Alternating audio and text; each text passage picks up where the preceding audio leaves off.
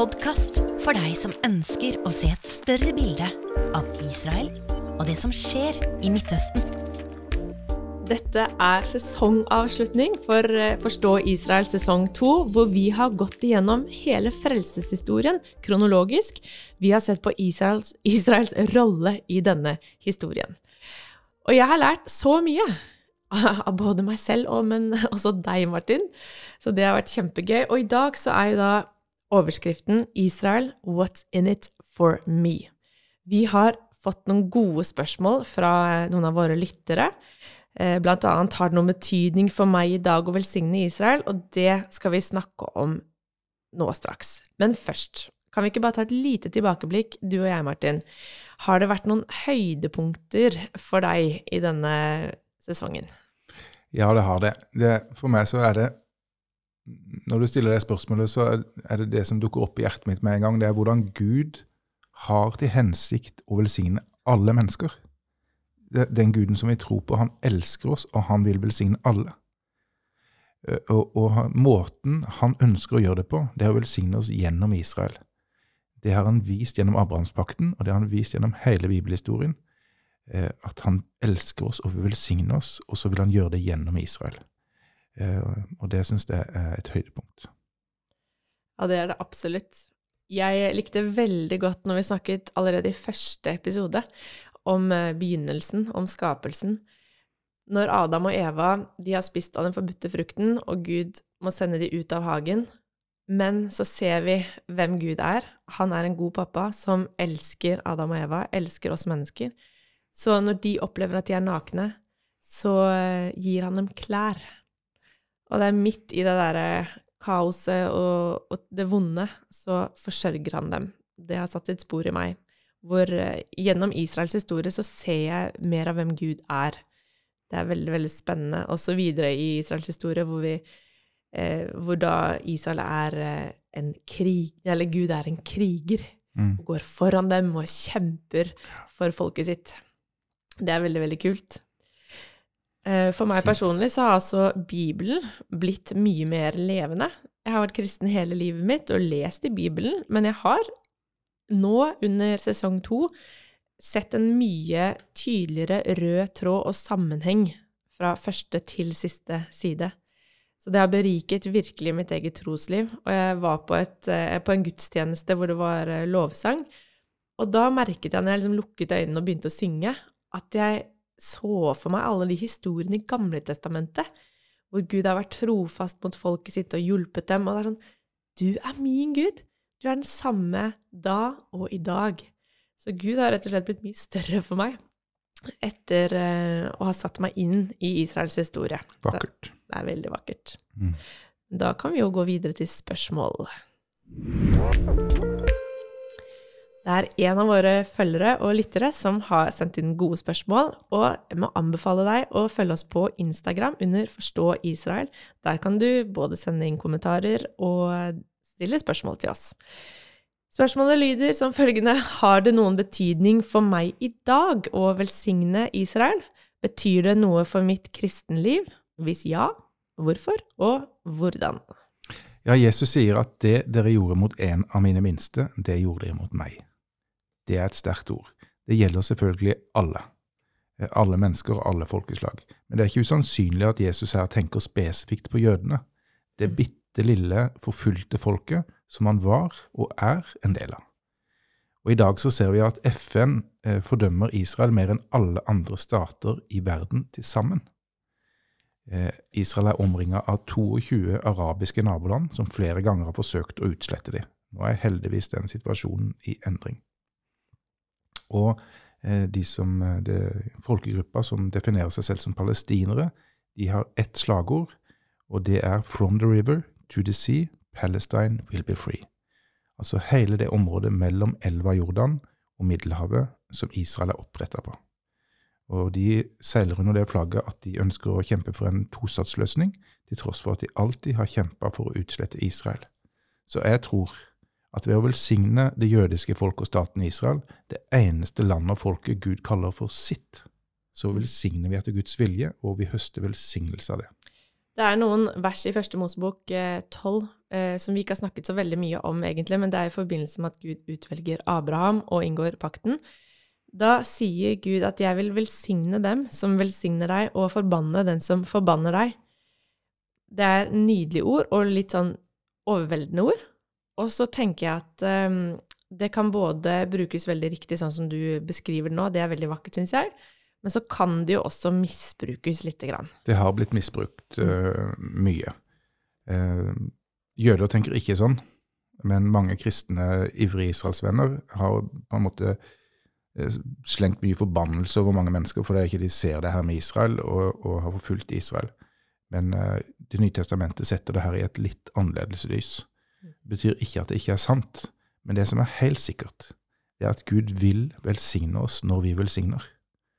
Og hvis det gjelder for alle mennesker av alle folkeslag, hvor mye mer skulle det ikke da gjelde for Israel, som er Guds land og Guds folk? Guds eiendomsfolk, det som Gud omtaler som sin øyensten. Så jeg er helt sikker på at ved å velsigne Israel, så blir vi velsigna. De er Guds øyensten, eller hjertesten, som jeg sa i en episode. Ja. Det er faktisk øyesten. Jesus sier jo at det er saligere å gi enn å få. Og så Mm. står det 'gi, og dere skal bli gitt'.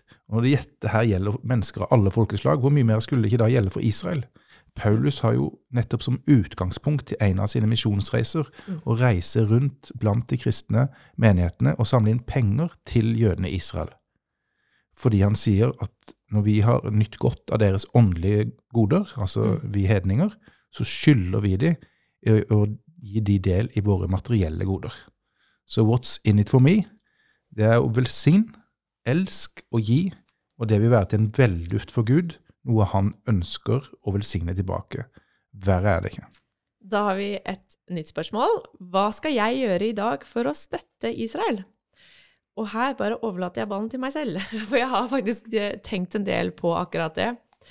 Eh, og da vil jeg først framsnakke den organisasjonen som vi jobber for, som er IKAI, Internasjonale kristne ambassade i Jerusalem. Fordi i over 40 år så har vi vært til stede i Israel, og vi har støttet og oppmuntret og trøstet det jødiske folket og alle som bor der. Eh, Forholdet mellom kristne og jøder det ser heldigvis annerledes ut i dag, hvor man rett og slett har klart å gjenopprette et vennskap, og man har klart å bygge bro. Eh, ja, for den historien der, den er ganske bad. Eh, IKAI har mandat å trøste og, det hjel og, og hjelpe det jødiske folket. Du kan jo fortelle litt om arbeidet vi driver i Israel? Tenk vi har vært med å bringe, finansiere hjemreisen til over 160 000 jøder fra alle verdens hjørner og hjem til Israel. Det tilsvarer jo innbygger, eh, innbyggerne i flere mindre israelske byer. Så det er stort. Og så er vi med å drifte Haifa Home, som er et eh, aldershjem i Haifa for holocaust-overlevende jøder. Eh, Vi plasserer bombesikre rom langs landets grenser, både mot Libanon, i nord og mot palestinerne på Gazastripa. Eh, og så driver vi mye sosialt arbeid for mennesker med særskilte utfordringer og behov. Alenemødre, eh, barn med lærevansker, eh, eldre, ensomme eldre osv. Så, videre. så det er et, eh, en massiv innsats. Og IKAI har jo avdelinger i over 90 land. Mm. Og vi arrangerer det største årlige turistarrangementet i Israel, som er Løvehyttefesten. Eh, som samler mennesker fra over 100 nasjoner. Så det er et massivt arbeid, og det er, opplever vi er en del av det oppdraget Gud har gitt oss om å trøste jødene. Og vi er jo kristne, og vi tror på det å be eh, for Israel. Og i er det salmene så står det at vi skal be om fred for Jerusalem, og det har nok eh, mange kristne vokst opp med å høre. Men utover det så har jeg tenkt å bare gi noen små tips til eh, hva man kan be for og om i Israel. Det ene er jo for landets ledere. Eh, at de skal ha visdom, og at de skal ha enhet. For det er ja, det er uenigheter innad i Israel også, men det er eh, et folk som ønsker å jobbe sammen. Eh, Og så tenker jeg at vi kan be om at sannhet om Israel skal komme frem i mediene. Eller at løgn skal bli avslørt også. Og hvis man hører ting som er veldig negativt, da, eller ja, får presentert en nyhetssak, så er det lov å sjekke flere kilder. For eh, norske medier er litt ensidige i å legge fram eh, saker om Israel. Dette kan du alt om, Martin. Men da tenker jeg sjekk flere kilder, og bare hvilke kilder pleier du å gå til? Jeg leser i Jerusalem Post og The Times of Israel, som er de to største engelskspråklige israelske eh, avisene. Mm. Og de fanger opp det meste, sånn som kanskje Aftenposten eller VG gjør her hjemme. Og Der ligger det f.eks. når det har vært eh, NRK eh, formidler at eh, en palestiner er drept, så kan eh, vi lese israelske medier som viser at denne drepte palestineren kanskje har forsøkt å knivstikke eh, israelere, politifolk, inne i gamlebyen Jerusalem, og så viser de videoer som dokumenterer det. Så man får et helt fullstendig annet bilde av å følge med på israelske medi- medier, fordi de ikke er farga av de fordommene og forutinntatt demoniseringa demonisering av fordømmelsen av Israel som norske medier i all hovedsak er prega av. En annen ting jeg kan eh, anbefale, det er veldig enkelt, egentlig. Det er bare å si noe godt om Israel. Da kan jeg nesten garantere at eh, de du spiser lunsj med, eller venner eller ukjente, kommer til å skvette lite grann. Fordi veldig ofte så er det negativ omtale rundt Israel. Men hvis du har fulgt med på denne podkasten her, så har du fått mange gode verktøy i, eh, eh, til å si noe godt om Israel. Så det er litt gøyalt, rett og slett, og veldig enkelt. Og da økt kunnskap, les i Bibelen, hør podkasten her. Vi har også noe som heter Israel Next i Norge, som er veldig, veldig bra. Eller Folket som overlevde. Det er en eh, svensk og norsk podkast som tar for seg veldig grundig historie. historie. Eh, veldig, veldig spennende. Og så er det andre ting også å følge, selvfølgelig. Og vi er på Instagram, så følg gjerne oss der. Eh, gi økonomisk støtte, ja. Hvis man har lyst til å liksom virkelig bidra med litt økonomi, så eh, har jo du akkurat fortalt at vi har vært med å støtte mange jøders hjemreise til Israel, og det gjør vi nå om dagen også. Når det er krig i Ukraina, så er det mange jøder i Ukraina som ønsker å komme til Israel. Og der er vi med og gir økonomisk hjelp. Det var Ja, og reis til Israel! Ja, reis til Israel. Sånn egen podkast om å reise til Israel. Ja, det skulle vi hatt. altså. For det, Jeg har reist bl.a. med familien min. Jeg har tre barn på eh, 10 og 11 og 12 år. 9 og 11 og 12 år. Og sammen med kona mi, og vi har kjørt alene i Israel og kommer oss så lett fram. Og det er så flott å, å reise der, så det er bare å anbefale. Og vi eh, er nå i ferd med å planlegge en sånn familietur som eh, skal be med familier til Israel i august i 2023. Der skal, familier skal kjøre egne biler og kjøre rundt til forskjellige destinasjoner og på en måte ha en sydenferie i Israel, der en får med seg en del av det bibelske innholdet i landet. Eller så kan du være med Ikai til Løvetefesten, det årlige arrangementet på, på høst, høst, rundt høstferien. Eller altså reise alene, for det er kjempespennende land å oppleve. Det er moderne, akkurat sånn som her i Norge, lett å komme seg rundt, flotte veier, og alt er helt fantastisk i Israel. Ingen dårlige ting å si om Israel. Nei, som turist så har du det godt. Ja, det, og jeg har alltid følt meg trygg også, når jeg har vært der. Ja, jeg har aldri tenkt på noe sånn. Mm. Det er veldig forskjell på de palestinske områdene. Hvis du leier bil i Israel, så får du ikke lov å bruke de engang inn i selvstyreområdene. Der sto dessverre skilt om at det er forbudt for israelske statsborgere å kjøre inn, for det kan innebære at de mister livet veldig kjapt. Mm. Og mange har jo erfart nettopp det. Så når man reiser til Israel som en israelsvenn, så reiser man i de israelske områdene. Mm. Så er det jo to millioner arabere som bor der, og de er hjertevarme, nydelige mennesker. Hele Nasaret er jo arabisk. Um, og mange arabere er jo også kristne. Så det er en naturlig del. Og når IKAI støtter Israel òg, så er jo det, innebærer jo det de her er to millioner araberne som er israelske statsborgere. Det er viktig for meg. Mm. Man kan noe imot arabere, eller eh, ikke imot muslimer heller. Eh, Det her handler om å stå opp for rettferdighet og sannhet. Bare skyte inn, eh, du sier eh, at man kan leie bil og sånn. Eh, hvis man ikke vil gjøre det òg, så kan man faktisk bare ta en kort flytur til Tel Aviv og eh, være der på stranden og kose seg. Og så kan man dra inn til Jerusalem og vandre i Jerusalem. Der trenger du heller ikke bil, det er jo trikk og sånne ting, men det er ikke så stort at du, du kan faktisk gå, da. Det er veldig kult, syns jeg. Og få med deg veldig mye på til og med en langhelg. Ja, det er helt sant. Når jeg har vært reiseleder og sånn, så har jeg jo ofte, går jeg bare til fots i Jerusalem. Mm. Vi går riktignok noen kilometer hver dag, Men du kan jo se en mengde av de bibelske stedene, og andre historiske steder, eller sånn dagsaktuelle eller moderne eh, steder, Mm. bare, på, bare med å gå til fots. Veldig kult. Og nå er det åpent, Nå kan vi dra. Yes. Du, vi har et spørsmål til, og det er hvordan få ledere i menigheten til å fatte interesse for temaet om Israel? Godt spørsmål. Godt spørsmål. Det er mange ivrige israelsvenner som jeg tror har gjort seg selv og kanskje Israel også en bjørnetjeneste ved å mase og klage på pastoren eller lederskapet for det at de ikke setter Israel på agendaen. Eh, Vi skal huske på at vi som er kristne og del av en menighet, vi er eh, kalt til å bygge og til å elske og velsigne. Vi er eh, kalt til å være en del av et fellesskap. Eh, eh, så vil vi aldri få det som vi vil, verken de som tror på misjon, har, har liksom misjon på hjertet, eller lovsang, eller barnearbeid, eller ungdomsarbeid, eller Israel. Eh, men det dere kan gjøre, det er å be oss, Ja. be, be meg og Maria, Maria og meg, å komme og fortelle om Israel i din menighet. Det gjør vi mer enn gjerne.